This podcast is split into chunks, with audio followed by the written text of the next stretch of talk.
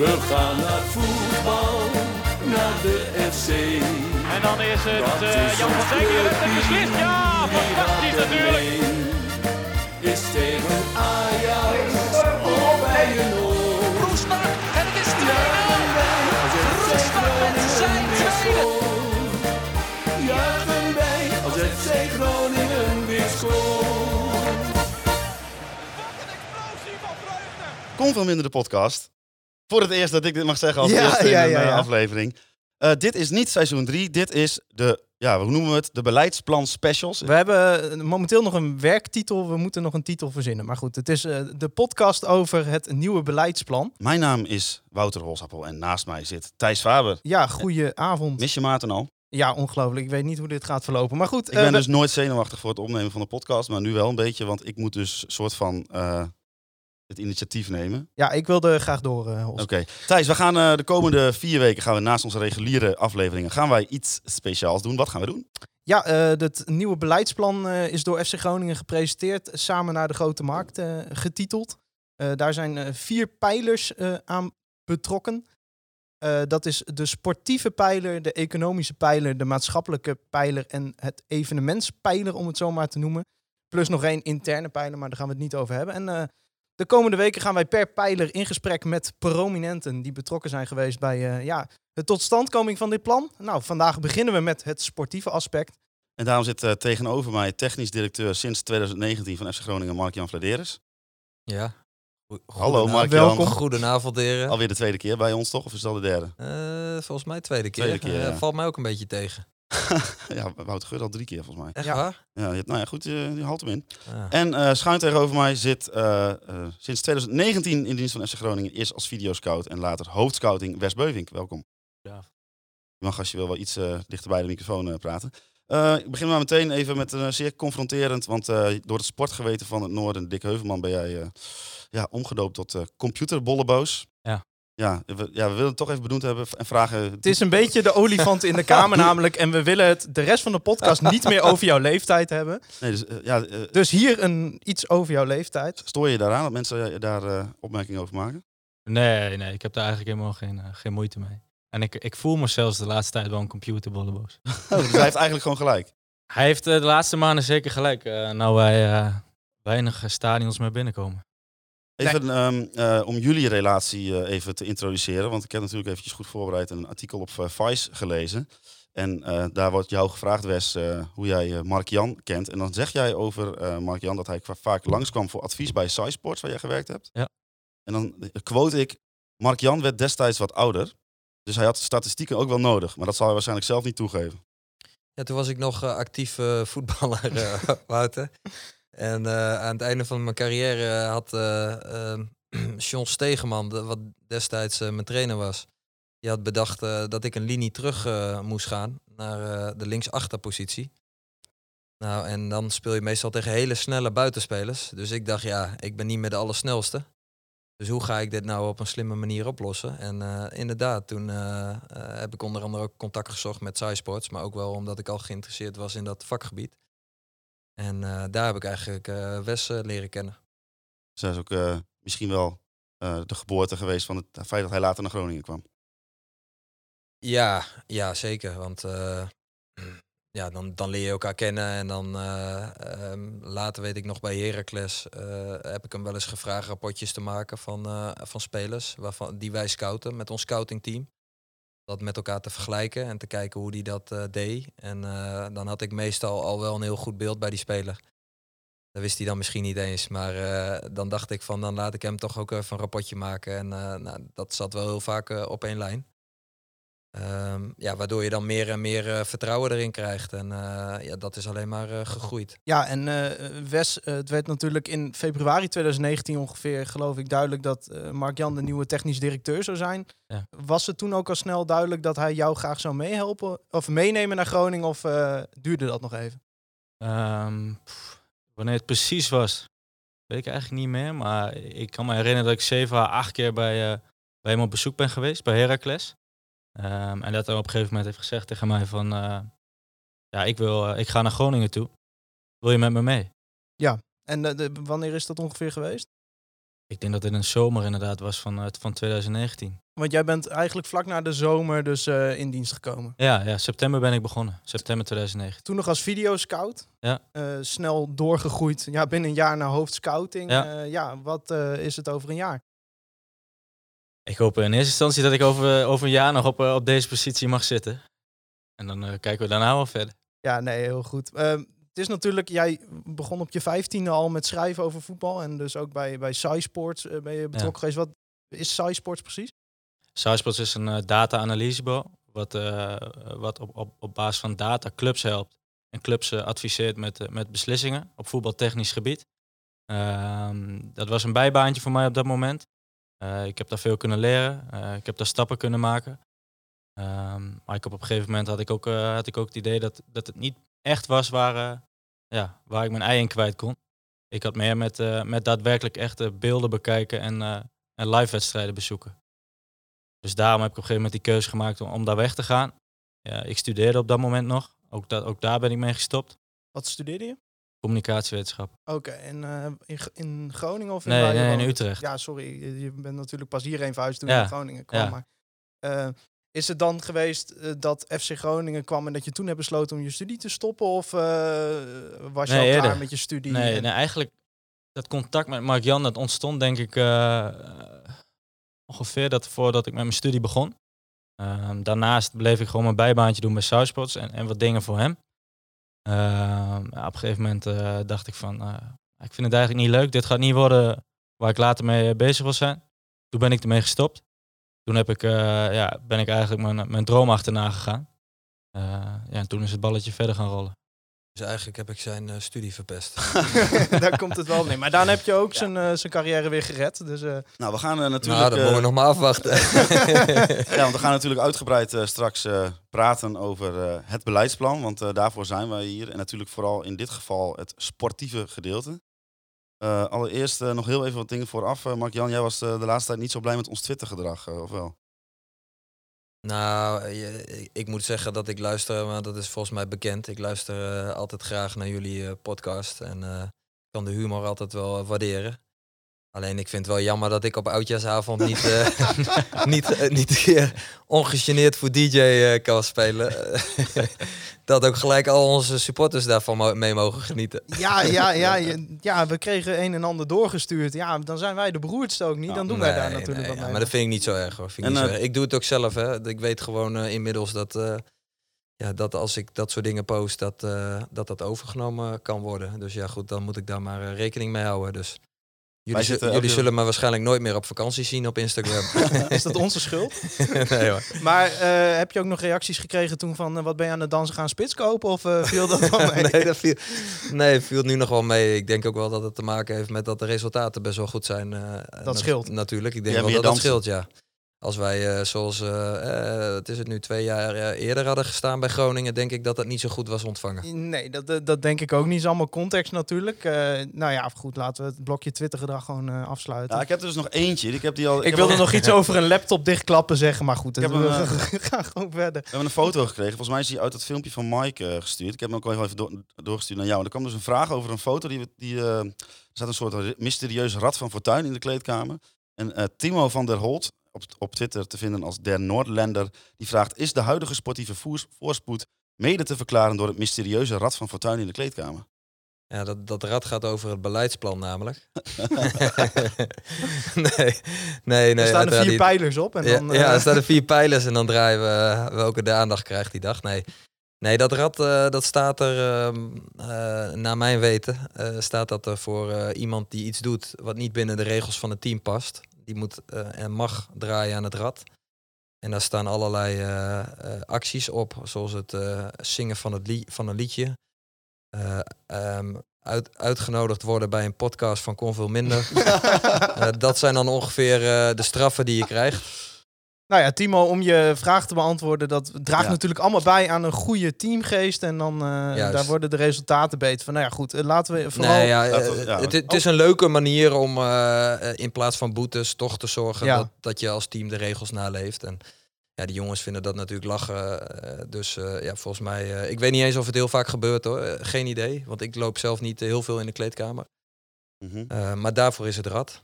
Nou, we gaan het hebben over eh, dit boek wat ik hier eh, in mijn handen heb. Samen naar de Grote Markt. Ik, ik weet niet als ik, of, of ik hem laat vallen of er dan iets te horen is, maar Ja, ah, deze klinkt, wel, zo, horen. klinkt wel aardig. Ja, Hoe eh, kijk je zelf terug op de afgelopen tijd? Zeg maar de tijd richting de presentatie, eh, dat je het allemaal klaar gaat maken en dat het eh, uiteindelijk Het is natuurlijk wordt? voor jullie ja, toch wel een beetje anderhalf jaar lang toebouwen naar dat moment ge- geweest. En eh, hoe is het dan om het uiteindelijk te presenteren? Voor mijn persoonlijke gevoel, als je daar echt naar vraagt, dan voelt dat moment van presenteren als een soort van mosterd naar de maaltijd. Omdat wij intern al lang ermee bezig zijn. En dat we aan de voetbalkant heel veel dingen eigenlijk al lang in gang hebben gezet. Eigenlijk al voor dit seizoen. Ehm, en het moment van presenteren heeft natuurlijk ook vooral te maken met dat je op, op marketingtechnisch gebied alles in, in, in een mooi jasje eh, moet gieten dat dat allemaal moet kloppen. En eh, ja, dat je ook op een goed moment eh, het hele plan moet gaan timen. En is dat gelukt uiteindelijk qua Mm, marketing? Ja, eh, dat is niet mijn expertise. nou ja, Ehm, gewoon hoe kijk jij naar de presentatie ervan? ehm, nou ja, ik denk dat het een heel mooi en inhoudelijk goed plan is. Ik denk dat het, zoals ik het zie, het mooie daaraan is, is dat, je, ehm, dat we proberen om, om de hele community aan de club te verbinden. Dat het, ehm, zoals ze dat bij Barcelona mooi zeggen, eh, meer dan een club is en meer dan voetbal is. En da daar willen we echt naartoe. En ik denk ook dat dat eh, wel de toekomst is eh, in, in, in de voetbalindustrie, in de voetbalwereld. En eh, ehm, ja, wij willen graag het hele achterland aan ons binden. En, en, en ja, dat proberen we door die verschillende pijlers proberen we dat te doen. Ehm, nou ja, en, en hoe dan die boodschap overkomt, ja goed, dat laat ik ook een beetje aan, aan, aan, de, aan de mensen die de club volgen. Ehm, Ja, sommige podcasts hebben er dan weer een mening over. ja, ja, goed. En dat, dat is ook mooi, denk ik. Want eh, ja, daar, daar leven we met z'n allen toch ook van. Dat eh, iedereen eh, iets van voetbal vindt en iedereen iets van de plannen vindt van de voetbalclub. Dus eh, daar zijn we alleen maar eh, ha- hartstikke blij mee. Hè. Je hebt het liefst natuurlijk dat dat over het algemeen positief is. Maar ja, we weten ook allemaal dat dat niet altijd zo is. En eh, de reuring zorgt ervoor dat het interessant is en blijft. En eh, de ondertitel van de pijler sportief is eh, de Europese droom. Ja. Eh, streven naar Europees voetbal. Is dat dan volgens jullie de heilige graal voor een club als FC Groningen Europees voetbal? Ja, kijk, je, je probeert met elkaar. En op het moment dat je bezig bent zo'n beleidsplan te ontwikkelen, probeer je toch eh, van wat is nou het ultieme bij FC Groningen en wat is nou het mooiste wat we met elkaar kunnen bereiken op sportief gebied. Daar probeer je toch met elkaar over na te denken en dan een richting te vinden. Ja, eh, alle betrokkenen die wij daarover hebben gesproken, ehm, ja, daar kwam toch wel heel vaak terug dat eh, de Europese wedstrijden, Europese reisjes, het halen zelf van Europees voetbal. Ehm, ik heb het gelukkig twee keer hier als speler mee mogen maken. Ja, als je ziet hoe dat was op de grote markt en in het stadion, ja, dat, dat, dat, was fantastisch. Eh, tot en met het halen, het feest en, en, en de wedstrijd eh, in, in Belgrado en thuis tegen Fiorentina. Ja, dat was voor, mij waren dat de mooiste momenten bij FC Groningen. En dat hoor ik eigenlijk ook alle mensen ehm, die ik spreek in en rondom de club, dat die dat eigenlijk ook zo ervaren. Ja, en, en dat is dan dus waar jullie naartoe willen bouwen. Nou, in die pijler eh, ja, zijn er eigenlijk een paar subpijlers, om het zo maar te zeggen. Dat is het vergroten van het voetbalbudget en transferopbrengsten. Een aantrekkelijke strijdwijze, niet speelwijze. Fitste en sterkste spelers, sportwetenschap en het verhogen van de, het rendement van de eh, opleiding. Eh, het vergroten van het voetbalbudget en transferopbrengsten. ja, daar zeggen jullie van, we willen meer rendement uit de opleiding en de scouting. En ook het verhogen van de commerciële omzet. Ja, jij als hoofd scouting, eh, Wes. Wat wordt er precies bedoeld met eh, ja, rendement van de scouting? Uiteindelijk is eh, rendement voor scouting is het belangrijkste. Ehm, dat, dat het aantal spelers wat aangedragen wordt, wat uiteindelijk gehaald wordt door de club, eh, dat die slagen. Slagen bij FC Groningen. Ehm, en zo hebben we een aantal categorieën spelers. Ehm, we werken met talenten, eredivisiewaardige ontwikkelspelers. We werken met ervaren spelers en we werken met uitzonderlijke spelers. Er zijn vier categorieën. En de spelers die we halen, die worden beoordeeld op die vier categorieën. En, en dat alle tezamen hebben we een, een bepaald percentage, wat wij dan als rendement zien. En, en, en dat, is, ja, dat is het En slagingspercentage. dat van deze percentage is?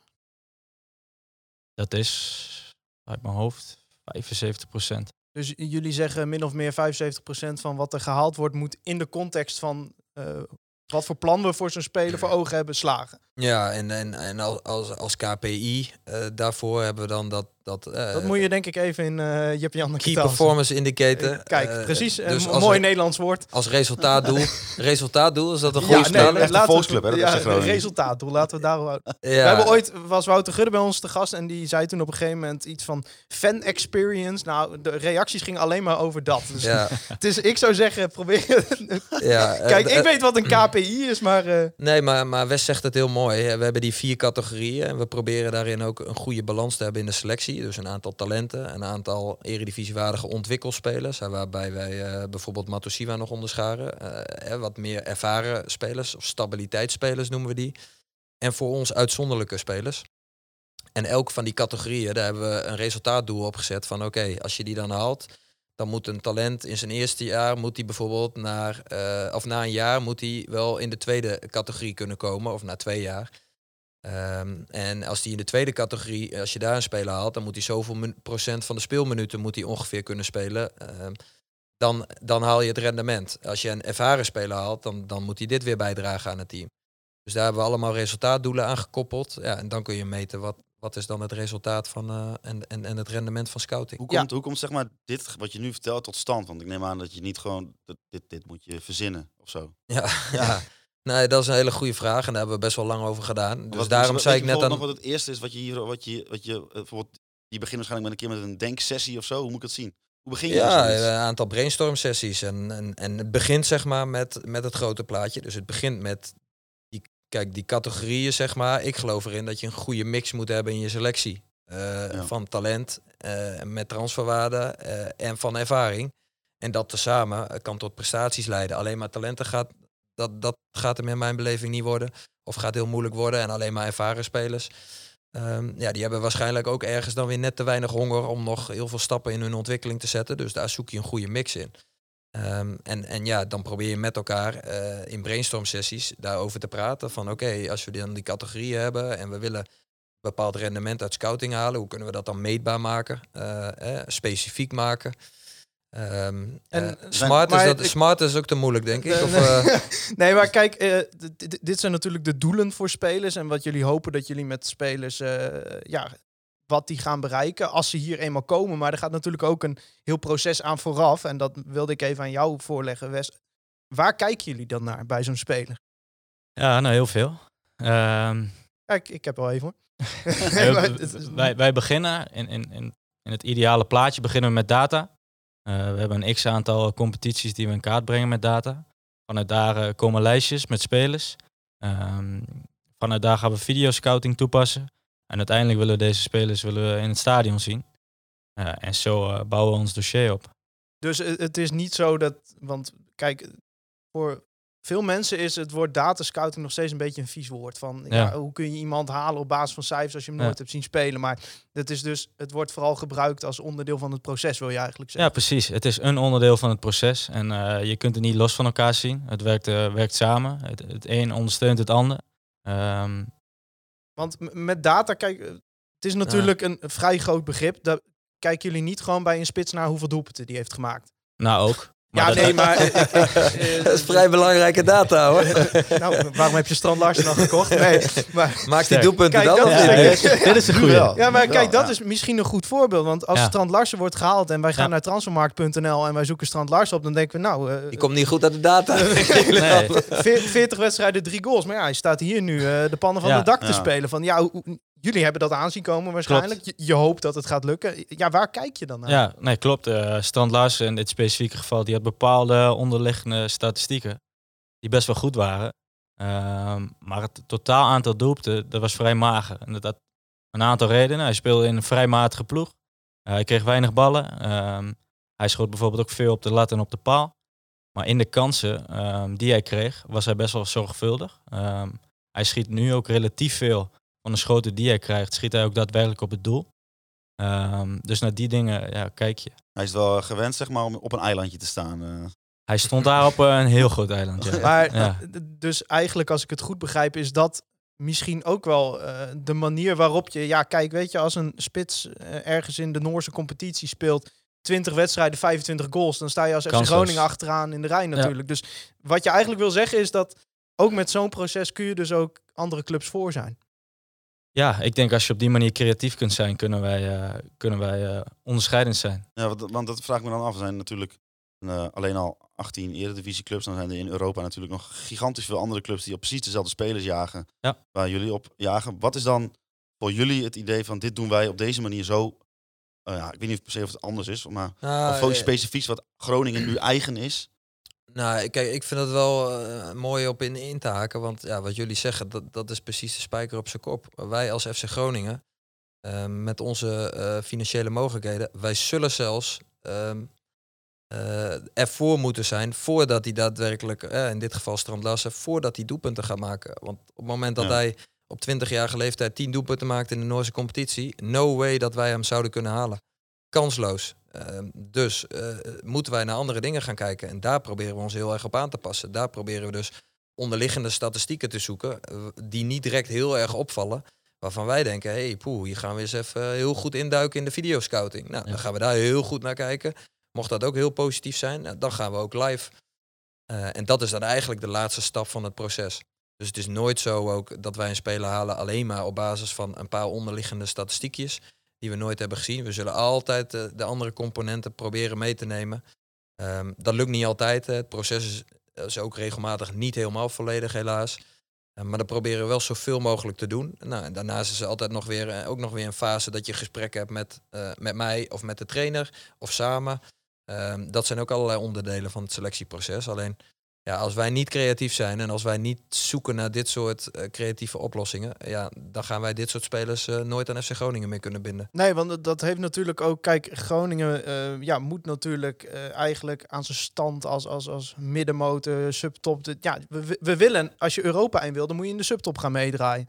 Alleen de clubs om ons heen, ja, Vitesse, Utrecht, AZ, die hebben natuurlijk allemaal meer te besteden. Is dat dan ook iets waarvan jullie denken, daar kunnen we echt ook opbrengsten uit gaan halen? Ik kan me voorstellen, Strand Larsen eh, is voor een bepaald bedrag gehaald. Ja, daarvan hoop je dat hij ook gewoon voor echt substantieel meer weggaat. Nou ja, kijk, waar wij het verschil in willen maken is eigenlijk onze, onze manier van werken, onze manier van denken, eh creatiever proberen te zijn, slimmer proberen te zijn. Ehm, en dat, dat, daar gaat de pijler eh, in ons beleidsplan gaat daar ook over. Eh, wij hebben een strijdwijze met elkaar ontwikkeld die ons heel erg richting geeft. En eigenlijk willen we alle voetbaltechnische keuzes die wij maken, die moeten eh, passen onder die strijdwijze. Ehm, nou, er zijn een aantal uitgangspunten die daar belangrijk zijn. En de spelers die wij dan weer scouten, hè, die, die, die West met zijn team dan scout, die moeten ook passen binnen die strijdwijze. Net zoals eh, de manier van spelen die de hoofdtrainer hanteert, dat die ook moet passen binnen die strijdwijze. En de spelers die wij opleiden, moeten daar ook binnen passen. Dus zo probeer je dat allemaal daaraan eh, te verbinden. Ja. Ehm, zodat wij hopelijk ehm, clubs die misschien wat meer te besteden hebben, ehm, slimmer af kunnen zijn. Omdat wij een heel duidelijke manier van werken hebben. Allemaal weten welke kant we op willen. En eh, dat we iets creatiever en iets slimmer proberen te zijn. Ja, want eh, dat gaat dan over, eh, en dan ja, citeer ik gewoon uit het plan. De strijdwijze staat voor dynamiek, tempo, agressiviteit, beweging en vooruitspelen. Zijn dat nou termen waarvan je zegt, nou dat past inderdaad bij het voetbal wat FC Groningen op dit moment speelt? Ja, dat denk ik wel. Het gaat wel steeds meer en meer die kant op. En dat proberen we ook door middel van data dan weer te staven. Eh, dat is mooi dat wij een performance afdeling hebben met sportwetenschappers die daar eh, eh, ehm, ja, die dat, die dat ook echt kunnen analyseren en daar eh, een, een, en weer een analyse van kunnen maken. We hebben bijvoorbeeld maken wij nu al veel meer goals uit omschakelmomenten en uit counters. En een omschakelmoment is dan weer dat je binnen vier contacten bij een balverovering op de helft van de tegenstander scoort. En een countermoment is vanaf eigen helft binnen vier balcontacten een doelpunt maakt. Nou, dat is wel waar we graag naartoe willen. Eh, heel, hele snelle omschakeling, veel dynamiek, veel beweging, veel intensiteit. Ehm, nou, en wij proberen dat eh, vanuit onze performanceafdeling ook zo meetbaar mogelijk te maken. Waar wij eigenlijk naartoe willen, is dat wij eh, kunnen zeggen, dat wij ook kunnen benchmarken met andere teams in de Eredivisie, eh, want daar hebben we de data allemaal van. En dat wij ook kunnen zeggen van oké, binnen onze speelwijze moet de rechtsback van Groningen moet even eh, x keer kunnen sprinten en eh, eh, 1500 high intensity meters kunnen maken. Want die moet zo vaak eh, over die flank kunnen denderen. Nou, dan kun je daar eh, met, met ons datasysteem kun je daar eh, de door, of kun je er doorheen laten lopen. En dan, dan blijven er een aantal opties blijven er over. En dan kun je die gaan bekijken. Dus het, het, het, data en het duidelijk kiezen van een bepaalde richting zorgt ook voor een eh, filterproces, waardoor het iets makkelijker wordt om alle spelers die er op de wereld namelijk zijn, het zijn er Ja. veel te veel, Ja. om, om een beter beeld te krijgen. Wat past nou bij FC Groningen? Ja, want eh, ja, dus eh, nou, jij zegt eh, het spel van FC Groningen gaat er steeds meer naartoe. Jullie hebben natuurlijk met Danny Buis verlengd. Daar spreekt vertrouwen uit. Daar spreekt uit, nou, zoals je eerder al zei, ja, eh, deze strijdwijze, hier zijn we al langer mee bezig. Maar snap je ook dat mensen ja, toch wel kritisch zijn erover van ja, FC Groningen zou je misschien mm, voor het blote oog niet betitelen als een club die vooruit speelt. Kijk, eh, Groningen heeft natuurlijk een, een, een voor de spelers die er spelen echt een goede defensieve organisatie. Maar om nou te zeggen dat de vonken ervan af springen, eh, ja, Ehm, nou ja, goed, da- daar kun je met elkaar eh, van mening eh, verschillen natuurlijk. Dus, eh, en dat is ook geen enkel probleem. Maar snap je supporters die zeggen het is niet echt attractief wat Groningen laat zien? Nou, wij willen wel dat het heel attra- attractief is. En wij denken dat een, dat een hele snelle counter of een hele snelle omschakeling, dat het ook heel attractief kan zijn. en Eh, dat kijk, zie je onder Danny Buis nou wel ja, eh, de, gebeuren. goal, de goal die wij in de laatste minuut tegen Willem II maken, dat is natuurlijk vanuit een, een corner, maar is uiteindelijk ook een omschakelmoment in een hele, hele snelle eh, counter. Ehm, ja, ik vind dat mooi om naar te kijken. Ja, dat andere mensen dat minder mooi vinden. Alleen ik kan me nog herinneren dat FC Groningen onder de tijd van Van der Looy speelde ze een soort van eh, tiki-taka met eh, heel veel positiespel op eigen helft. Wat eigenlijk best wel goed verzorgd positiespel was. Wat van links naar rechts ging en daar probeerde een overtal te creëren en dan pas een keer naar voren. Ehm, dat werd al helemaal totaal niet gewaardeerd eh, bij de supporters volgens mij. Eh, en, en zoals ik het zie en wat ik begrijp is dat de supporters van Groningen graag eh, eh, opportunisme willen zien. Tempo, energie. Ja, dat vroeg me eigenlijk ook af, want ik zie dan vooruitspelen, dynamiek, tempo, agressiviteit, beweging. Dat zijn vijf termen, zeg maar. Je gaat zo'n beleidsplan maken, je gaat bedenken waar willen we heen. Hoe kom je dan van nul, zeg maar, bij deze vijf termen? Wat gaat daar dan vooraf? Hoe werkt zoiets? Nou, daar gaat een heel proces aan vooraf. Ehm, eh, Er waren ook best wel veel uitwerkingen al van het verleden. Eh, Ja. Wouter Frenkel, onze performance eh, of hoofdperformance, die, eh, die had al eens een keer zo'n uitwerking gemaakt. Ron Jans heeft daar wel eens wat mee gedaan. Zijn voorgangers ook. Die hebben we ook allemaal bekeken en doorgenomen. We hebben interviews gehad met alle trainers binnen de club. Dus alle jeugdtrainers ook gesproken over wat vinden zij nou bij FC Groningen passen. Eh, nou, en dat probeer je dan bij elkaar te leggen en te filteren. En daar probeer je dan weer iets uit te halen. Nou, we zijn naar, eh, Veel mensen bij betrokken dus. ja, we zijn naar eh, Leipzig geweest. Dat was onderdeel van het proces. Dus je probeert dat zo breed eh, mogelijk probeer dat te doen. Je probeert ook eens wat te vragen hè, bij mensen, supporters en andere belanghebbenden bij de club. En dat is het niet zo natuurlijk dat we een enquête hebben gehouden onder eh, 4000 supporters. Eh, maar je probeert wel, van, wel eens wat te vragen links en rechts. En- Ja, een van die dingen is dus ook dat je de fitste en de sterkste spelers eh, ja, op één plek in het plan staat van Nederland. En daarna ten opzichte van vergelijkbare teams. Dus vraag 1 is, wat is het? is het dus de fitste en sterkste spelers van Nederland? Of fitter en sterker dan Vitesse, AZ, Utrecht, eh, noem maar op. Nou ja, ons streven is de fitste en sterkste spelers van Nederland. Om, omdat wij denken eh, dat wij hier eh, met onze performanceafdeling en met onze faciliteiten, dat wij eh, een onderscheidend eh, vermogen daarin kunnen hebben. En ehm, alleen ja goed, dan moet je nog wel even goed definiëren wat is dan fitste en sterkste. En fitste en sterkste vanuit onze speelwijze, onze strijdwijze moet ik zeggen. Daar gaat het eigenlijk om. Past dat binnen onze strijdwijze en hoe fit en sterk zijn ze dan en kunnen ze dat ook 90 minuten plus volhouden? En eh, ja, de Karstian Oudman die vroeg in deze context, had hij een vraag voor, voor Wes. Die vraagt eh, dat ik las dat Wes Beuving bezig was met een model om bij spelers ook op mentaliteit, wilskracht, goede kop, et cetera te kunnen scouten. D- dat is zo, ik zie je knikken. Ja, En eh, hoe- ja, hoe moet ik dat voor me zien? ten eerste is dat model er nog niet. Nee. Ehm, Hij zegt ook dat je er bezig mee bent. Ja. ja, nee, maar het is iets waar we zeker over nadenken. Kijk, eh datascouting is best wel een aardige opmars bezig geweest. Videoscouting is al gemeengoed binnen de meeste scoutingsafdelingen. Eh, maar ik denk dat in het, op het gebied van mentale scouting, dat daar nog wel winst te boeken valt. Ook voor ons. Eh, wat we bijvoorbeeld nu al hebben gedaan, is het FC Groningen DNA als standaard onderdeel van onze scoutingsrapporten. Ja. Want wat is dat precies? Met het FC Groningen DNA? Ja, precies. Eh, dat is een goede vraag. Ja. Eh, maar in onze scoutingsrapport is het opgedeeld eh, in, in twee kopjes. Eh, houding, eh, dus interactie met het publiek, leiderstype, eh, mouwen opstropen, dat soort dingen.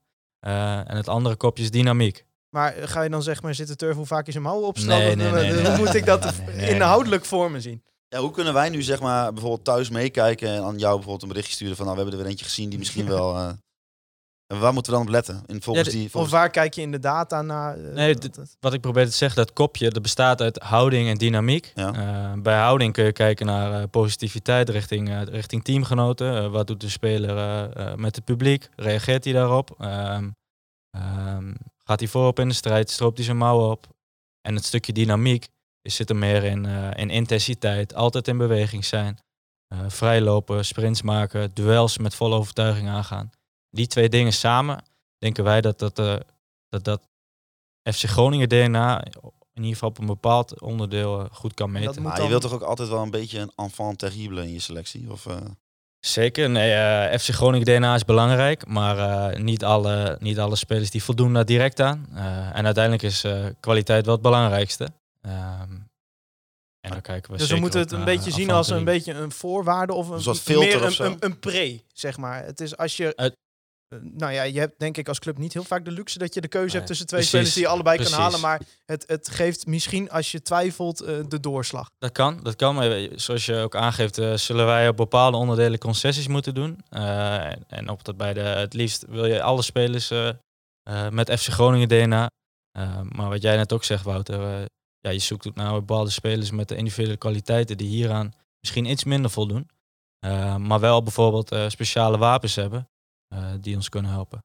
En moeten we dan voor ons zien dat de komende vijf jaar FC Groningen ja, toe gaat werken naar eenzelfde strijdwijze? Hoe bedoel je dat precies? Nou ja, het kan natuurlijk zijn dat eh, aan het eind van het seizoen eh, Danny Buis vertrekt. Dat zou zomaar kunnen. hè. Ik zeg niet dat het gebeurt. Wordt er dan een trainer gezocht die eh, voor dezelfde spelprincipe staat als Danny Buis? Ik kijk Mark-Jan ook even aan. Ja, dat is een vraag voor mij, denk ik. Ja, vooral Mark-Jan kijk. Ja, nou ja, goed. Laten we één vooropstellen uh, dat wij hartstikke tevreden zijn uh, met Danny. En Terecht. dat hij hierna nog een jaar uh, contract in ieder geval heeft. Um, dus dat we ervan uitgaan dat Danny voorlopig bij Groningen is en blijft. Uh, maar mocht die situatie ooit ontstaan, um, dan hebben we inderdaad onze strijdwijze als uitgangspunt. Uh, wat een van de eerste dingen is die ik uh, onder de neus van een mogelijke kandidaat-trainer zal schuiven. Maar joh, dit is hoe we bij FC Groningen willen spelen. En wat wordt het sausje dat jij er overheen uh, gaat gieten? Hoe, hoe, gaat dat er ongeveer uitzien? Kun je bijna wel met deze voorwaarden kun je bijna gewoon een vacature uitschrijven. Dan zeg je gewoon, ben jij het voetbaltrainer en pas je binnen deze... Ja, nou ja, het geeft ook alweer richting in wat voor soort training je zoekt. Nou, dat ben ik- ik helemaal met je eens. en eh, dat is het mooie van dit. Het, het geeft heel veel richting. Ja, precies. Ja, je hebt in je tijd bij Herakles op een gegeven moment Frank Wormoed aangesteld. Eh, daar heb ik toen ook een verhaal over gelezen. Dat is ook een beetje op zo'n manier tot stand gekomen, toch? Want Frank Wormoed is natuurlijk geen hele bekende naam in het Nederlandse trainerschilde, om het zo maar te zeggen. Is dat een beetje een vergelijkbaar proces geweest dan? Ehm, nou, nee, want ja, eigenlijk vind ik dat we nu een stap verder zijn. Omdat we, we hebben nu die strijdwijze helemaal duidelijk voor onszelf. Met een aantal eh, spelprincipes.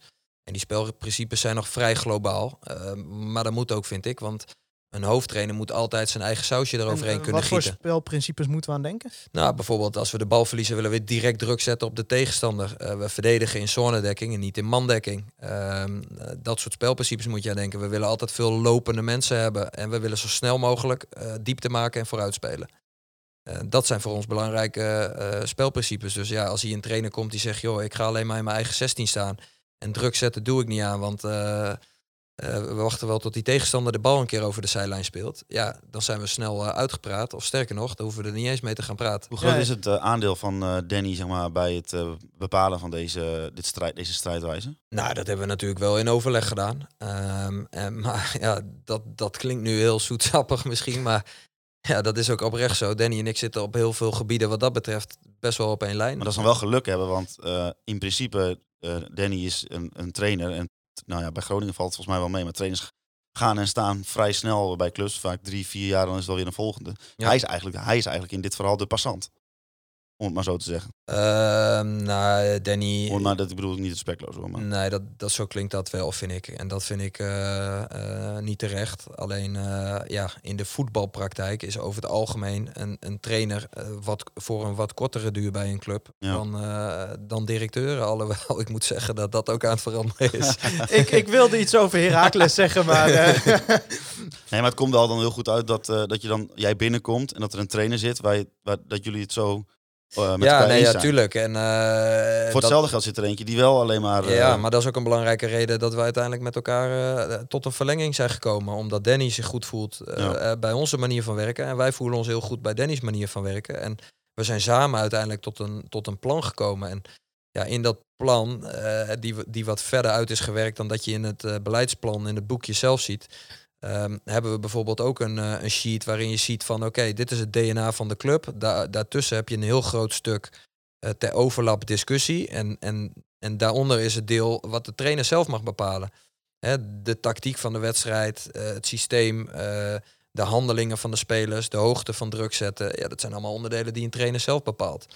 Ja. Dus, dus daar ga je dan met een trainer over in gesprek. En je geeft aan zeg maar, dat het, het plan geeft richting. Zeg maar, hoe, ja, jij vindt het heel belangrijk, maar hoe kun je aangeven hoe belangrijk het is dat je zeg maar, een, het sportieve aspect in een beleidspijler giet en dat je daarmee aan het werk gaat?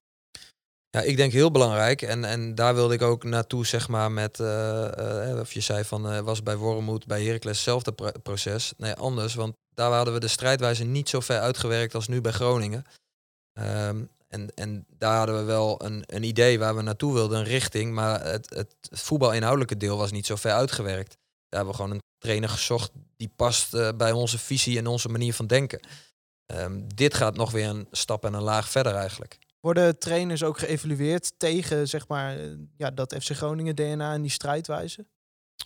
Ja, eh, tuurlijk. We moeten ons werk eh, goed doen. Dus eh, eh, een onderdeel van mijn werk is niet alleen eh, naar spelers, potentiële spelers kijken, die eventueel onze spelers die er nu zijn op kunnen volgen.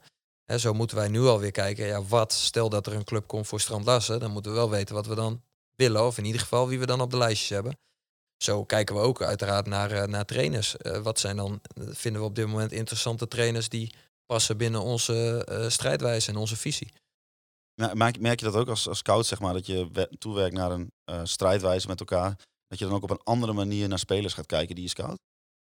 Ehm, ja, dat is denk ik sinds vorige zomer wel op die manier in gang gezet. Dat wij eh, onze positieprofielen eh, hebben aangepast op de nieuwe strijdwijze. Dus dat je wel met een eh, vernieuwde blik naar spelers kijkt. En dat, merk, dat merk je in de praktijk ook wel echt. Als je Ja, ja, ja, ja. Ja, we, dwi- we dwingen zeg maar de scouts in de zin van eh, wat Wes eh, mooi zegt. We hebben de profielen aangepast en elke scout die een rapport maakt, die moet dat hele eh, profiel invullen. En, en daar krijg je een aantal vragen die je moet beantwoorden. En Misschien, misschien dingen waar je anders nooit over na had gedacht. Omdat je op een bepaalde manier... nou, anders- daarmee eh, dwing je natuurlijk wel naar een bepaalde richting eh, wat, je, wat wij graag willen zien bij een speler. Dat, dat dat in ieder geval beoordeeld is. ja. En dan kun je het, als je het allemaal zo doet, kun je het ook allemaal makkelijk naast elkaar leggen en vergelijken. Makkelijk is het nooit. Nee, makkelijker misschien. Maar ja, maar het geeft wel weer eh, richting, ja. Sportwetenschap is ook een belangrijke pijler. In, nou, een belangrijke subpijler in de pijler. Ik, ik weet niet of iedereen het nog volgt, maar goed. Eh, jullie zeggen dat jullie eh, voorlopen willen blijven in de toepassing van sportwetenschap binnen de afdelingen performance en scouting. Klopt het? Want als je zegt voorloper blijven, dan zeg je dat je voorloper bent. Klopt dat? Ehm, nou, ik denk wel dat FC Groningen op dat gebied een voorloper is. Hè, we hebben inmiddels eh, twee sportwetenschappers eh, in dienst. En eh, bij mijn weten hebben, eh, heeft volgens mij geen één club in Nederland dat op dit moment. Ehm, wellicht Ajax. Ehm, maar ik denk wel dat wij daar wel eh, een eh, streepje voor hebben. En, en Wouter Frenk is ook al lang in dienst bij FC Groningen. Dus die heeft ook al wat opgebouwd. Ja, en, en, en, en ik denk dat dat een onderscheidend vermogen kan worden eh, in richting, en zeker richting de toekomst. Dat is het nu wellicht al, en, maar dat proberen we juist uit te bouwen. En juist ook door, eh, door de richting met die strijdwijze wordt het voor performance ook makkelijker om daar bepaalde analyses weer aan Ja, te koppelen. Je noemt de afdeling performance nu al een aantal keer. Eh, nou weet ik wel ongeveer wat daar gebeurt. Maar kun je misschien voor mensen die denken, ja, performance, Niet zo slim zijn als prestatie, eh, jij. Nee, dat wil ik niet zeggen. Maar ik denk Nou dat een ja. heleboel mensen denken van ja, performance, wat doet performance? Ja, goede, hele goede vraag inderdaad. Want dat is eh, wel een valkuil dat als je er middenin zit, dat je dit soort dingen gaat benoemen alsof, alsof het Ja. de normaalste eh, staak het van de wereld is. hè. Het is je vergeven, maar Ja, ik denk nee. daarom stel ik hem ook. Nee, wij hebben een afdeling eh, performance en daar geeft eh, Wouter Frenke, dat is een sportwetenschapper, die geeft daar leiding aan. En er vallen een aantal specialisten vallen daaronder. Ehm, en dat zijn eh, fysieke trainers. Dat zijn eh, bijvoorbeeld onze data scout, die valt daaronder. Ehm, maar dat is ook eh, een sportwetenschapper, eh, dat is Mees die daaronder valt. Dat is een topsportbegeleider die daaronder valt. Ehm, en ehm, voor al die componenten hebben we dan in, in, in de opleiding hebben leerlijnen ontwikkeld. En bijvoorbeeld de leerlijn eh, topsporter en de leerlijn atleet. En, en ja, performance die doet heel veel veldwerk in de zin van dat ze spelers helpen om zich beter te ontwikkelen. Die is bezig, bezig met de ontwikkelplannen van de individuele spelers. Maar daarnaast analyseren ze ook ehm, of er vooruitgang in zit. En meten ze eh, door middel van testen ehm, hoe eh, spelers ervoor staan en, en hoe ze zich ontwikkelen. Is dat, eh, jij noemt net topsportbegeleider en da- daarna noem je een heleboel dingen die op het fysieke vlak eh, ja, raken. Maar het is tegenwoordig in de voetballerij, komt het mentale aspect van voetballen is ook steeds meer eh, naar boven. Nou, heerst er onder FC Groningen sports altijd wel een beetje een beeld dat FC Groningen, ja, zeker in het verleden, jongens uit het buitenland wel vaak een beetje aan hun lot heeft overgelaten, zeg maar, als zij hierheen kwamen. Eh Sjoerd-Jan Gispen, die, eh, die vroeg ook, FC Groningen is in het verleden eh, wel eens tekortgeschoten in het begeleiden van jonge en dan de zaakjes buitenlandse spelers. Is dat dan ook in die performance tak een aandachtspunt? Ja, zeker. De mentale component eh, is ook eh, absoluut een aandachtspunt. Ehm, maar ik moet wel eerlijk zijn dat dat een onderdeel is waar wij nog denk ik heel erg veel kunnen winnen in de voetballerij. Ehm, daar zijn wij ook druk eh, mee bezig om, om ons op dat gebied te ontwikkelen. Ehm, we hebben ook sinds begin van dit seizoen hebben wij ook een, een mental coach toegevoegd aan de, aan de technische staf. En die is coach voor zowel de technische staf als voor mij als voor een aantal spelers. Ehm, eh, en, en, en daarnaast hebben we dan nog in de opleiding hebben we een topsportbegeleider. Ehm, we hebben nog ehm, met eh Karel Pleit hebben we iemand van Interpsy hebben we, eh, rond het team lopen die met Dus, spelers. psychologie is dat dus ook. Ja, die met spelers kan praten. Dus, dus ja, we besteden daar wel degelijk aandacht aan. Hè, we hebben een teammanager waar we mee hebben afgesproken dat die ook aandacht besteedt aan spelers. Er komt Jurgen Strandlasse uit, eh, uit Noorwegen en dan helpt hij hem uiteraard met een appartementje vinden, maar daar houdt het niet mee op. Want als hij hier dan is, eh, dan is het ook goed om na eh, twee of drie weken eens een keer bij hem binnen te lopen en te kijken hoe het er thuis voor staat. Of de verhuisdozen inmiddels al zijn uitgepakt. Anders even die- helpen. Ja, anders misschien helpen. Of, of, of die zijn draai kan vinden. Of die al wat con, con- con- connecties, contacten heeft gemaakt. Zo hebben we hem bijvoorbeeld geprobeerd te linken aan weer Noorse mensen die hier in Groningen wonen, die we kennen. Ehm, en nou is dat ook wel eens lastig, want uiteindelijk gaat het natuurlijk wel om dat er een klik is tussen mensen. Hè, want ik heb ook wel mooie initiatieven gehoord vanuit supporters. Van joh, eh, laten we een soort buddy systeem opzetten. Dat een supporter buddy wordt van een speler. Nou, dat idee vind ik fantastisch. Alleen ja, geloof ik er wel in dat er wel een bepaalde klik moet zijn. Het moet niet zo zijn dat die speler denkt, jezus, heb ik die buddy weer. Zit ik helemaal niet op te wachten, die gozer. Ja. Nee, ja, ja er, werd, er werd vroeger wel eens eh, gezegd eh, van ja, als we nou ook nog voor een avondeten moeten gaan zorgen, dan blijven we bezig. Maar, eh, Nee, ja, jullie dat doen onder- wij op dit moment. Proberen we dat zoveel mogelijk wel te doen. maar jullie onderschrijven dus wel, ja, het gaat natuurlijk, kijk, dan heb je het over voeding, maar het is, jij erkent wel dat het een aandachtspunt is en dat het ook iets is wat beter moet. Beter, absoluut beter moet en beter kan. Wij besteden er denk ik al meer dan gemiddeld aandacht aan dan, dan andere clubs. We zijn er ook enorme stappen eh, in aan het zetten. Ehm, alleen jij benoemt eigenlijk nu twee punten door elkaar. En dat is één, eh, mentaal is weer wat anders dan bijvoorbeeld lifestyle. Ja, nee, maar dat, het was even eh, als anekdotisch voorbeeld. Dus ik heb het nu echt even over de, Ja, de wij- begeleiding van zo'n speler om te integreren in de stad. Ik weet bijvoorbeeld dat Strand Larsen in de eerste week na zijn... ja, toen hij hier kwam, zei ja, Groningen is een eh, niet zo'n mooie stad. Dan denk ik, ja, dan ben je nog niet in de stad geweest. hè. Dat kon ook niet, hè? Want er was al corona. Nee, nee, nee, nee, dat zal het zijn. Maar eh, ja, dus dat, eh, ja, als zo'n speler wordt gehaald, zoals Sjoerd Jan ook in zijn vraag zegt, een talent halen is mooi, maar als je hem laat verpieteren, heb je er niets aan. Nee, dat, dat is een heel terechte opmerking. En daar zijn we ons terdege van bewust.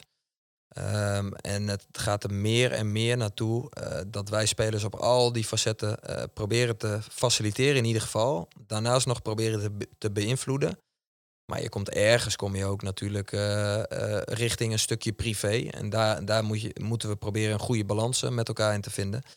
Alleen het gaat er wel steeds meer naartoe dat, dat we, wij ook met spelers praten over slaap, over eh, eh, wat doe je in je vrije tijd? Eh, probeer je nog op andere vlakken te ontwikkelen? Dus het, eh, ja, het, gaat steeds, het wordt wel steeds breder en breder wat dat betreft. Dan En- hebben we, of ja, hoe wilde jij nog wat toevoegen? Nou ja, of, ik wil eh, aan West vragen hoe dan de sportwetenschap zeg maar, eh, in de scouting, hoe, hoe pas je dat daartoe? Ja, nee, goede vraag. Eh, we hebben een datascout inderdaad. Die Sil? ook, ja, Sil, die ook, Ja. eh die ook eh, voor een deel onder de performance afdelingen valt. Ehm, we hebben Als het goed is, over Sil, die heeft volgens mij eh, eh, die heeft in Groningen gestudeerd. En toen is hij volgens mij, als, het, als mijn informatie goed is, naar Wageningen gegaan. Heeft hij volgens mij maritieme biologie master gedaan, ja, toch? klopt precies. Je Ja. hebt je goed ingelezen. Nou, hij heeft het me verteld. Ja. Nee, dat klopt precies. Vind ik dan wel, eh, eh, is dat iets van, ja, hoe, hoe zeg je dat? Maar je kunt dus met elke achtergrond kun je dus iets toevoegen aan eh, de voetbalwereld, om het maar zo te zeggen. nou, met elke achtergrond. Nou ja, bij wijze van.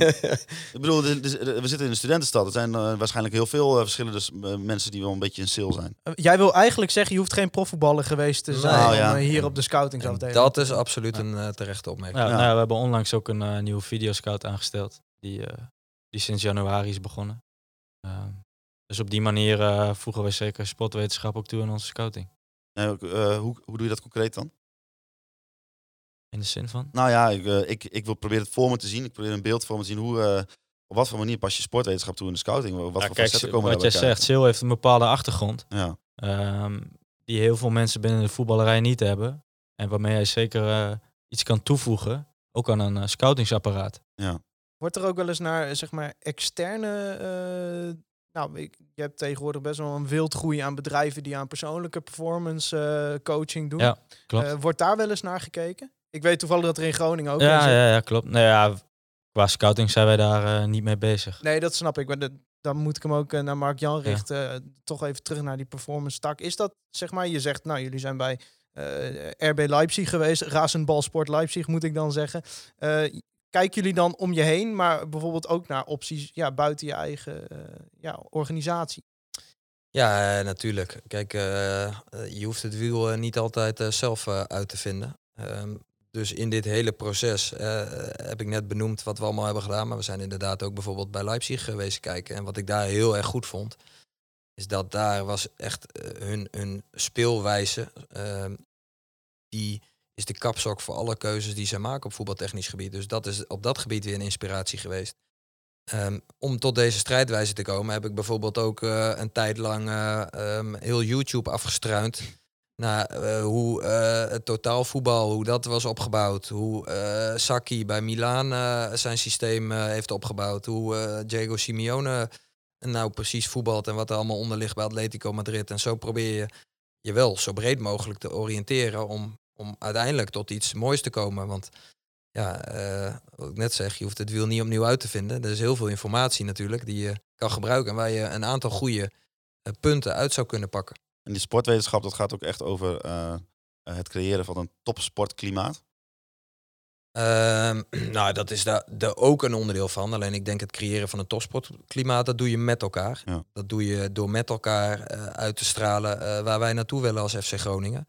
En dat geldt voor alle afdelingen. Ehm, dus, en, en dan kom je dicht bij onze kernwaarden hè, van aanpakken bijvoorbeeld. Eh, dat past bij FC Groningen. Dat willen we samen doen, dat willen we met elkaar doen. En dus, dus ja, eigenlijk wil je die dat topsportklimaat wil je eigenlijk in de, in de hele club. Maar, maar sportwetenschap is, is ja, eigenlijk is het een, een, eh, een, eh, ja, een afdeling die zijn tentakels heeft in elke andere afdeling aan de voetbalkant. In de zin van dat het beïnvloedt en dat het onderbouwt en dat het ehm, eh, kan helpen om de processen te verbeteren. Dus als je het hebt over, over bij scouting bijvoorbeeld, heeft eh, sportwetenschap heeft onderzoeken gedaan van hoe je kijkt naar eh jeugdspelertjes bijvoorbeeld. En aan de hand daarvan zijn de scoutingsprofielen aangepast. Uh, omdat het heel verleidelijk is om uh, naar een hakje te kijken van een speler die heel erg mooi is, wat één keer in de vier wedstrijden gebeurt. Maar het gaat juist om de functionele dingen die een speler goed kan. De functionele goede aannames vooruit. Of het met goede benen inspelen. Um, dus, dus, Ja. dus op die manier proberen we. Misschien een soort eh, vooringenomenheid weghalen door het eh, op, wet- op wetenschap te baseren, bij wijze van. Nou ja, eh, eh, zij hebben een achtergrond die ons kan helpen om, om, om de eh, ideeën die je hebt eh, op een goede manier te onderbouwen. En, en, en ja, dat helpt ons weer eh, betere keuzes te maken. Je hebt het nu over jeugdspelers en dan ga ik een mooi bruggetje maken. Want dan Oh. gaan we nog even naar de opleiding. Eh, jullie zeggen dat minimaal vier van de 22 selectiespelers afkomstig moeten zijn uit eigen opleiding. En daar voegt het plan aan toe. Zij kunnen zich daarna doorontwikkelen in een team dat bestaat uit een mix van ervaring en talent. Nou is de eerste vraag die ongelooflijk vaak in een andere vorm binnenkwam eh, toen wij om luisteraars vragen. ja, deze ambitie, hoe rijm je dat met eh, het vertrek van Balk bijvoorbeeld?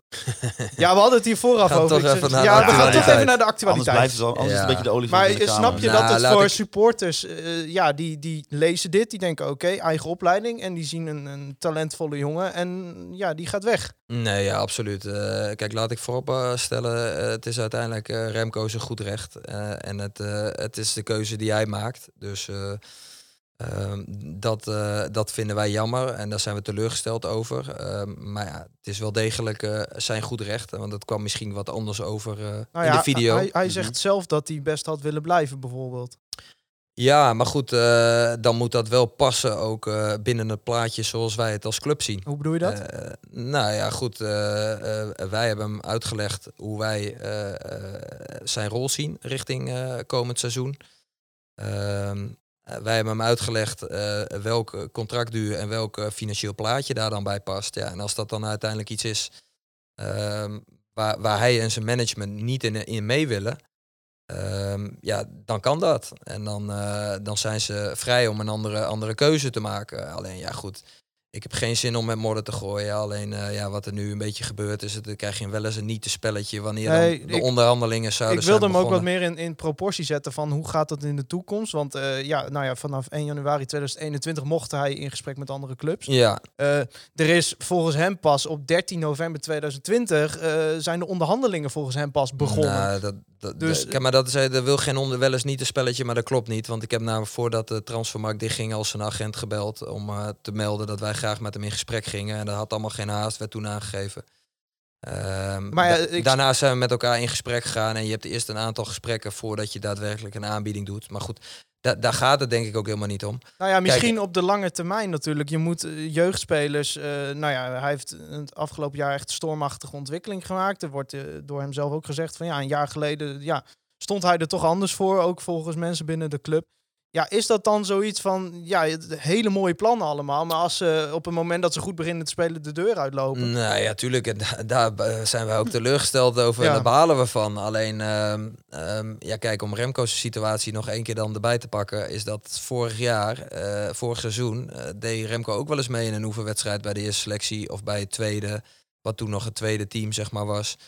Eh, of, of op trainingen bij, de, bij het eerste. Ja, dan maakte die weinig tot geen indruk. Eh, en op dat moment was iedereen intern aan de voetbalkant het erover eens dat dat niet zo was dat Remco's contract nou even opengebroken moest worden en Ja. verlengd. Dus om nou, en dan kom in je. een bredere proportie te zetten, eh, dit is dan een, een incident. eh, Om het zo Ja, dit is een incident, denk Een ik. Want, want uiteindelijk hebben we alle andere eh, talentvolle jeugdspelers uit onze eigen opleiding die we hebben, hebben we tot nu toe kunnen verlengen. Eh, we hebben, dan moeten we allemaal niet vergeten natuurlijk. We hebben op dit moment ook gewoon veel talent en veel keus.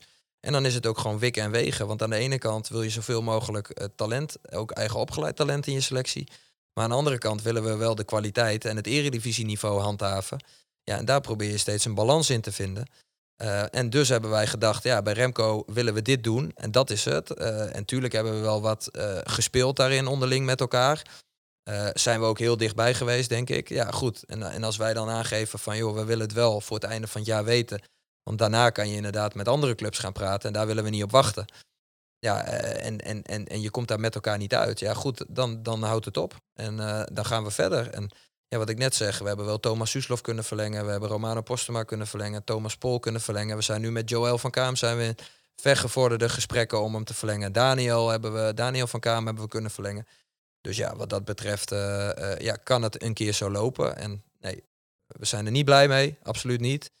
Ehm, maar gelukkig hebben we op dit moment eh, heel veel talent bij FC Groningen. En gaan we voorlopig op dit moment wel die vier eigen opgeleide Ja, want talenten in de Ja, opleiding. hier is het bruggetje. Hier is het gaan we wel halen. Vier van de 22 is de ambitie. Nou eh, ben ik eh, geen wiskundige, Nou, maar je bent wel druk met een wiskunde tentamen. eh, ja, maar dat tezijde. eh maar dat wijkt toch wel af van het plan 55 talent op één plan. Ik weet nog steeds niet hoe het precies heet. Wat in 2018 is gepresenteerd, waarin de ambitie werd uitgesproken dat de helft van de selectie eh, uit jeugdspelers moet bestaan. Is dat dan een te ambitieus plan geweest? Of kijken jullie gewoon echt anders naar zoiets? Of heeft dat weer met de, ja, hoe je een selectie opbouwt, hoe je dat financieel opbouwt? Eh, ja, leg uit waarom Nou, ja, is dat- van die ambitie afgestapt. Nou, dat heeft denk ik ook met, met, met, met visie te maken. Hè? Wat, wat ik net zei, dat, dat, dat wij geloven in een mix van ervaring en talent. En eh, op het moment dat jij de helft van je selectie bemant met eigen jeugdspelers die weinig tot geen ervaring hebben in de eredivisie, ja, de- denken wij dat dat te dun is uiteindelijk om eh, mee te kunnen spelen voor Europees voetbal. Kan een keuze zijn, alleen ja, dan denk ik eh, met het marktgebied wat we bij FC Groningen hebben, eh, waar 5000 jeugdspelers per lichting in zitten, Ehm, denk ik dat het heel moeilijk wordt om daar de helft van de selectie met eigen opgeleide jeugdspelers te bemannen. Zo niet, dan moet je denk ik bijna een wonder verrichten. Het zou heel knap zijn, het zou heel mooi zijn. En ja, dan moet je wellicht ook de ambities bijstellen. Nou ja. En, en dan moet je misschien zeggen van ja, nou dan, het kan dat we dan onder in de eredivisie of top eh, keukenkampioen divisie eh, spelen. Maar dan gaan we wel voor die eigen opgeleide spelers. Nou dat ja, zou ook kunnen, zou ook een visie kunnen Je zijn. hebt het nu over dan echt spelers uit de regio, maar het gebeurt natuurlijk in het voetbal steeds vaker dat er ook aan jeugdspelers van andere clubs wordt. Ik weet, eh, Groningen heeft Tika de Jonge eh, vorig jaar overgenomen. Eh Ludovic Reis komt, ja, die kwam uit het amateurvoetbal, maar die is ook pas op latere leeftijd en niet hier uit de regio. Dat is misschien ook wel interessant voor West. Kijken jullie daar ook naar, naar jeugdspelers met de scouting? Dus Ja, echt nee, spelers die echt in de onder 15 van clubs spelen. Zeker weten, we hebben een eh hoofd jeugdscouting, eh, fulltime in dienst. Die is eh, een van de zes mensen die we fulltime in dienst hebben in onze scouting. Eh, en daaronder zit nog een heel eh, vrijwilligerskorps. Want eh, ja, Ludovic eh Reis eh, is eh, ja, vanaf Haarlem gekomen toen. Die kwam uit het amateurvoetbal. Eh, ja, dat zijn toch wel verhalen waar Groningen... Ik word hier trouwens gerectificeerd net dat het plan Talent op 1 in 2014 is gelanceerd. Nou, dan Dat staat, is het, het doel om in 2018... dan staat het op de website verkeerd. En, en hoeveel waren de eigen opgeleide talenten waren er in 2018? nou, De ja. selectie? Ja, ik weet, ik weet, ik Ik, weet het niet. nee, hoofd. ja, sorry, ik ben geen lopende transfermarkt. Maar ik Ja, pak hem, er ik pak hem wel- weer even op. waren er wel een aantal in ieder geval. Ja, Ludovic. Reis, eh, eh, Tom van der Looy, eh, kan ik me herinneren. Nou, daar heb ik hem weer terug. Ludovic Reis. nou, die kwam dus uiteindelijk van Haarlem. Maar dat, jij zegt dat is wel iets waar wij ook naar kijken. Nee, zeker weten. Zeker weten. We hebben een, eh, zoals ik net zei, we hebben een, eh, een groot korps aan, aan vrijwilligers. Die, eh, die ook die velden afstruinen. Nou ja, dan zijn we wat mij betreft aangekomen bij de FC Groningen onder 21. Daar werd ook nog naar gevraagd. We hebben het nog over eh, opleiding. Ja, echt wel twintig keer deze vraag. Ik had hem zelf niet verzonnen, dus dat is het fijn aan, aan luisteraars vragen. Ja, wat wordt eigenlijk de ambitie van die FC Groningen onder 21? Moeten die de voetbalpyramide in? Eh, hoe ga je ervoor zorgen dat die drempel, dat er echt vier jongens klaargestoomd voor het eerste elftal bij die eerste Of selectie om het even richting het beleid te krijgen. Wat is de plaats van de onder 21 in de richting die je wil geven? Ja, nou ja, goed, een hele, hele goede vraag, eh, denk ik. Ehm, de onder, onder 21 zien wij als, als, als de kop van de opleiding. En dat is het laatste opleidingsteam voordat je de stap maakt naar de eerste selectie. We hebben ook ervoor gekozen om die eh, teams eh, op dezelfde tijden te laten trainen. Zodat het ook makkelijk wordt om spelers eh, over en weer in groepjes eventueel met elkaar te laten trainen. Zodat die jongens ook gaan ruiken aan het niveau van de eerste selectie. En met trainers van de eerste selectie in contact al gaan komen. Ehm, ja, en als je het dan hebt over een specifiek doel. Hè, we, we hadden de keuze om ons in te schrijven voor de, eh, voor de voetbalpyramide met de onder 21. Of dat niet te doen. Dus in de competitie te blijven waar we nu zitten. Nou, wij hebben er wel voor gekozen om ons in te schrijven voor die piramide. Ehm, dus als wij zouden promoveren met de onder 21, ehm, dan gaan wij eh, eh, naar de tweede divisie.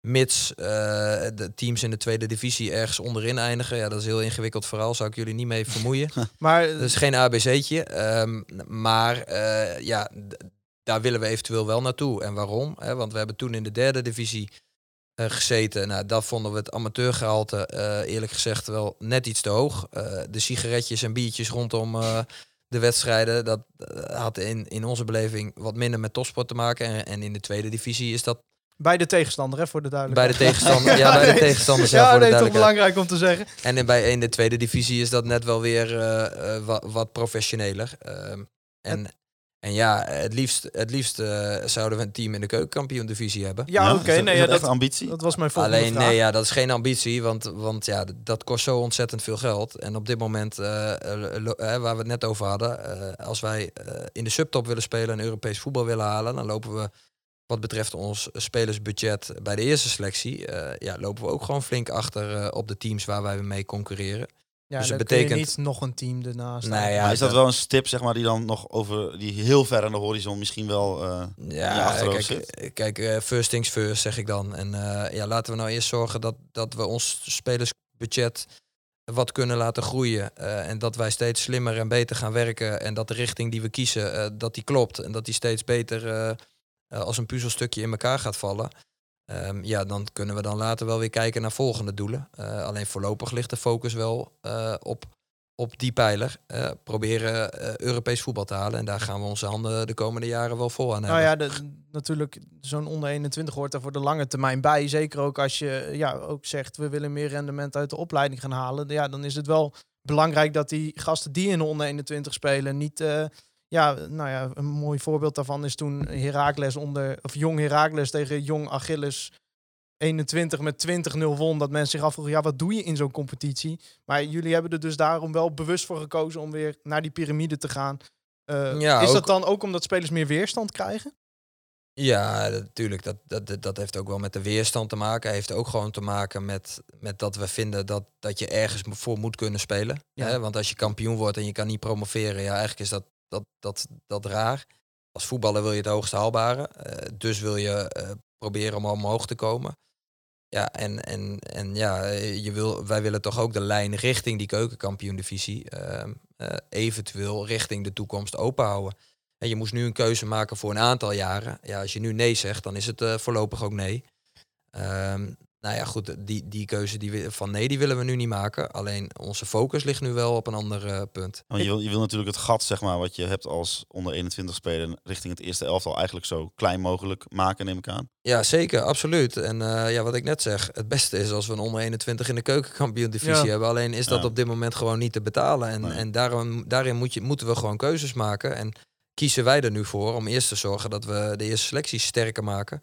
Door daar wat meer in te gaan investeren. Is het dan, eh, wat nu kan, is dus met die onder 21 proberen in de tweede divisie te komen. En eh, daarnaast ook misschien, zoals je met eh Postema en Pol hebt gedaan, om die dan te verhuren naar de keukenkampioen-divisie. Ja, absoluut. We maken nu met, eh, ehm, eh, met vier spelers de keuze om ze te verhuren. Om elders anders ervaring op te doen en minuten te maken.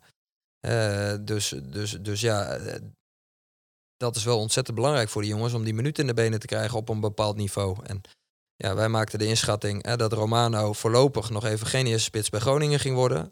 Maar dat hij wel toe was aan eh, een stap tussen de onder 21 van Groningen en tussen Groningen 1.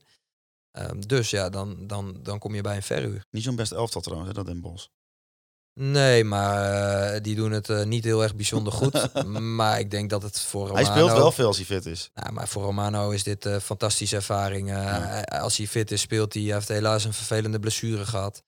Eh, maar er komen nu nog eh, 18, eh, 18 potjes aan. Eh, hij maakt een trainerswissel mee. Hij woont in een andere omgeving, moet voor zichzelf zorgen.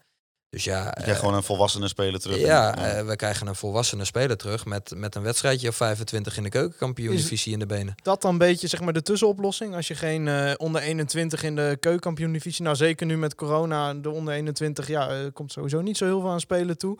Nee, ja, zeker is dat een tussenoplossing. Want, want ja, wat we net zeggen, die 50% die, die denken wij niet, niet te gaan halen. En dat betekent ook ja, dat je ook maar dat je ook wat minder eh, talenten hebt die goed genoeg uiteindelijk zijn om in de eerste selectie te komen. Dus dat je Ja. ook wat minder talenten hebt die, die dit tussenniveau nodig hebben.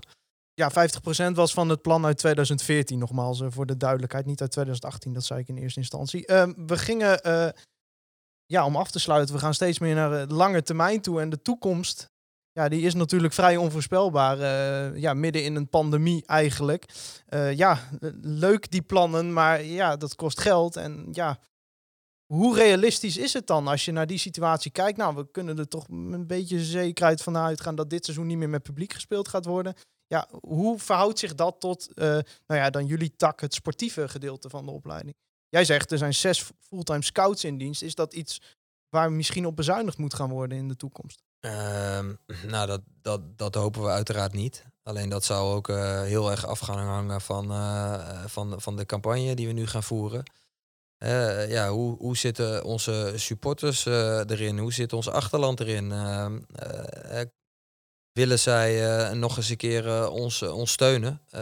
zodat wij onze ambities na kunnen jagen. En ja, goed, dat, dat, ja, dat is een lastige, vind ik. Want ja, uiteindelijk kan ik niet voor die mensen beslissen, want ik kan niet in hun portemonnee kijken. Alleen ja, wij hopen natuurlijk dat, dat, dat onze supporters eh, ons die steun eh, eh, willen geven, omdat ze geloven in onze, onze plannen en ideeën. En, en ja, als, als zij ehm, on- ons, ons willen steunen en kunnen steunen, ja, dan zou dat fantastisch zijn. Want dan wordt de kans veel groter dat wij dit tot uitvoering kunnen brengen. dan dat ze dat niet doen. En dan inderdaad moeten we anders misschien toch een paar tandjes terugschakelen voorlopig. Dat, dat zou kunnen.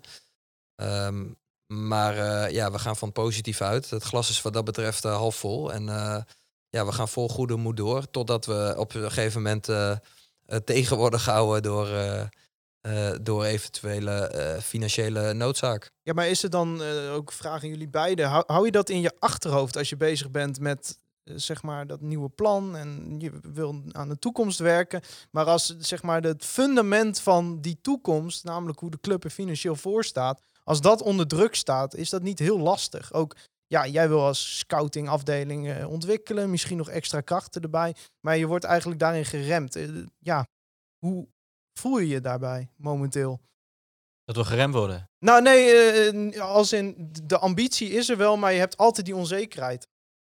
Nou. Misschien nog meer dan wanneer je vijf jaar geleden een plan had gepresenteerd. Maar ik weet wel zeker wel meer. Snap je wat ik bedoel? Ja, ik vind het lastig. Lastig hoe je het precies bedoelt. Nou ja, jij hebt ook met die plannen te werken, Ja. maar ja, er komt dus een enorme onzekerheid bij kijken. Hoe beïnvloedt dat ja, jouw dagelijks werk? Ja, nee, je, je houdt je ermee bezig, maar eh, zolang we er geen invloed op hebben, Juist. kunnen we er niet zoveel mee. Nee, maar Eh, ja, valt het buiten ons. Ik heb altijd eh, geleerd eh, dat je je niet druk moet maken over zaken waar je weinig tot geen invloed op hebt. En eh, Ja. Wij hebben genoeg zaken waar, om, waar we ons wel druk over kunnen maken, waar we heel erg veel invloed op hebben. Dus daar ligt onze focus. En eh, ja, wat ik net zei, ja, we hopen dat we de steun krijgen van, van ons achterland en van onze trouwe supporters. precies. Maar meer dan dat eh, kunnen we niet doen. En wat ik net zeg, eh, ik hoop niet dat de mensen dit als een verplichting of wat dan ook voelen. Want ik kan niet in hun portemonnee kijken. En we hebben ook alle begrip voor, eh, ja, als, als, als, als het niet anders kan, dan kan het niet anders. Maar ja, het is wel belangrijk, denk ik, om te benadrukken dat ehm, als ze ons steunen, ja, dan wordt de kans wel groter dat we de- deze plannen tot uitvoering eh, kunnen brengen. Maar wat jij misschien trouwens ook bedoelt is, ja, wij zijn natuurlijk wel met, met verschillende scenario's bezig. Ehm, Ja, nou ja, ik, ik kan me voorstellen dat het gewoon... eh, kijk, aan de ene kant, eh, dit plan spreekt enorm veel ambitie uit. Maar we hebben ook gezien, eh, afgelopen eh, mei is het geweest met die ontslagen... dat op het moment dat het ja, nijdend wordt... dat er gewoon ja, belangrijke krachten ja, de organisatie helaas moeten verlaten. nee, klopt. Dus eh, d- daar wilde ik ook een beetje heen. Want eh, ja, voor onder veel supporters, als je ook in onze luisteraarsvragen... eh, werd dat ook wel vaak benoemd. Ja, je kunt er ook niet omheen natuurlijk als er een pandemie gaande is. Maar ja, plan is altijd ambitie. Maar ja, zeker in deze tijden is het toch wel, denk ik, ook die financiële onzekerheid... die het nog extra ingewikkeld maakt. Maakt het zeker ingewikkeld. Alleen ik denk ook dat het juist kracht is dat je dan toch ook in deze tijden met een plan en een visie komt. eh, en, en, en een richting uitstippelt. En eh, ja, weet je, we gaan, ge- wij gaan gewoon door. En we zetten de schouders eronder. We laten ons door niks, door niks wat dat betreft afleiden. En ja, we begrijpen natuurlijk wel de situatie waar we in zitten. en, en, en wellicht inderdaad moeten we moeilijke keuzes gaan maken. Dat, dat zou kunnen. En- Maar zolang dat niet zo is, ehm, gaan, wij, eh, gaan wij door zoals we bezig zijn. Ja, want jij zegt dit, dit plan, deze strijdwijze, dat lag er al langer. Maar heeft corona er nog wat aan veranderd? Ja, alleen aan het ja, moment van presenteren. Nou ja, niet aan het plan en aan de visie en aan de, aan de, aan de strijdwijze en aan de pijlers. En daar niet aan. Eh, het moment van presenteren is veranderd, absoluut. Maar ook het, eh, het spelersbudget en het, het transfer-investeringsbudget ja, is wel eh, 26 keer veranderd in een half jaar Ja. tijd, denk ik.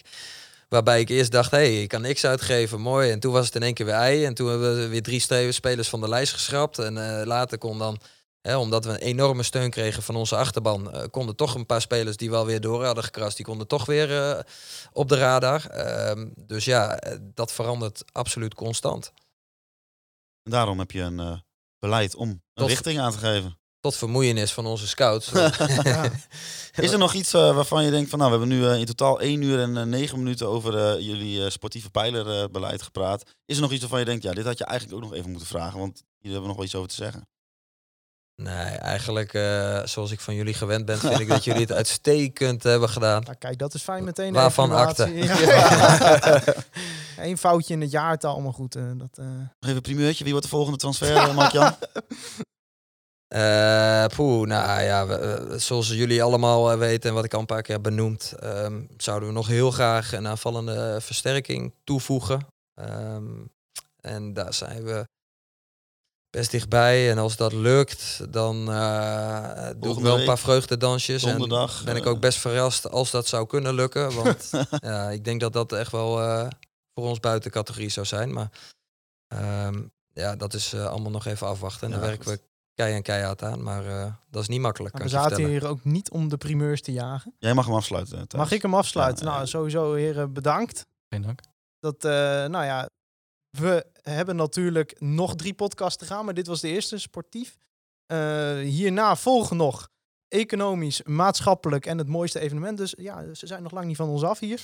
Volgende week zijn we er weer. Hij staat al gepland. Eh, ja, wilde jij nog wat toevoegen? Anders zou ik zeggen, volg ons op alle kanalen. eh. Volg ons op alle kanalen. T- at- Ik zou at- nog wel één dingetje toe willen voegen eigenlijk. Want, Nou, ja, want ja. jullie hebben aan het begin hebben jullie mij eh, zo belachelijk zitten maken met dat eh oudjaars eh, dansje. Ja. ja. is dat ik me eigenlijk afvraag van wat, wat gaan jullie doen op het moment dat wij eh, de pijler eh, van eh, dit beleidsplan, de sportieve pijler, als wij de, ons doel daarin bereiken, Op de grote markt. eh, wat gaan jullie dan doen?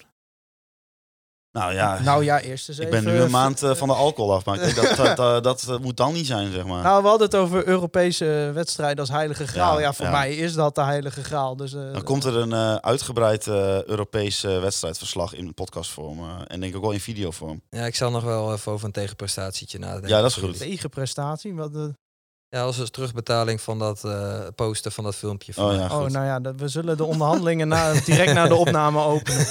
De, de mensen horen er nog wel van. Wij, wij houden helemaal niet van weddenschappen normaal gesproken. Dus eh, Ik ga even proberen een maat erna te doen, ja? U kunt deze podcast volgen op eh, Spotify, Apple Podcast en Soundcloud. Als je via Apple Podcast luistert, laat dan ook vooral een recensie achter. Het liefst vijf sterren, maar dat mag natuurlijk ook drie of twee of één als je dat vindt. Maar goed, ik kan het me niet voorstellen, want het is natuurlijk een waanzinnige podcast. U kunt eh, mij volgen op Twitter via @holsappel. Thijs kunt je volgen op @thijs-faber. Ehm Mark-Jan Vladeris kun je volgen op @fleddy, of course. Yes. En Wes- Beuvink kun je volgen op Wes Beuvink. Yep. En dan wil ik jullie allemaal bedanken voor het luisteren naar Kon Veel Minder, de podcast. Juichen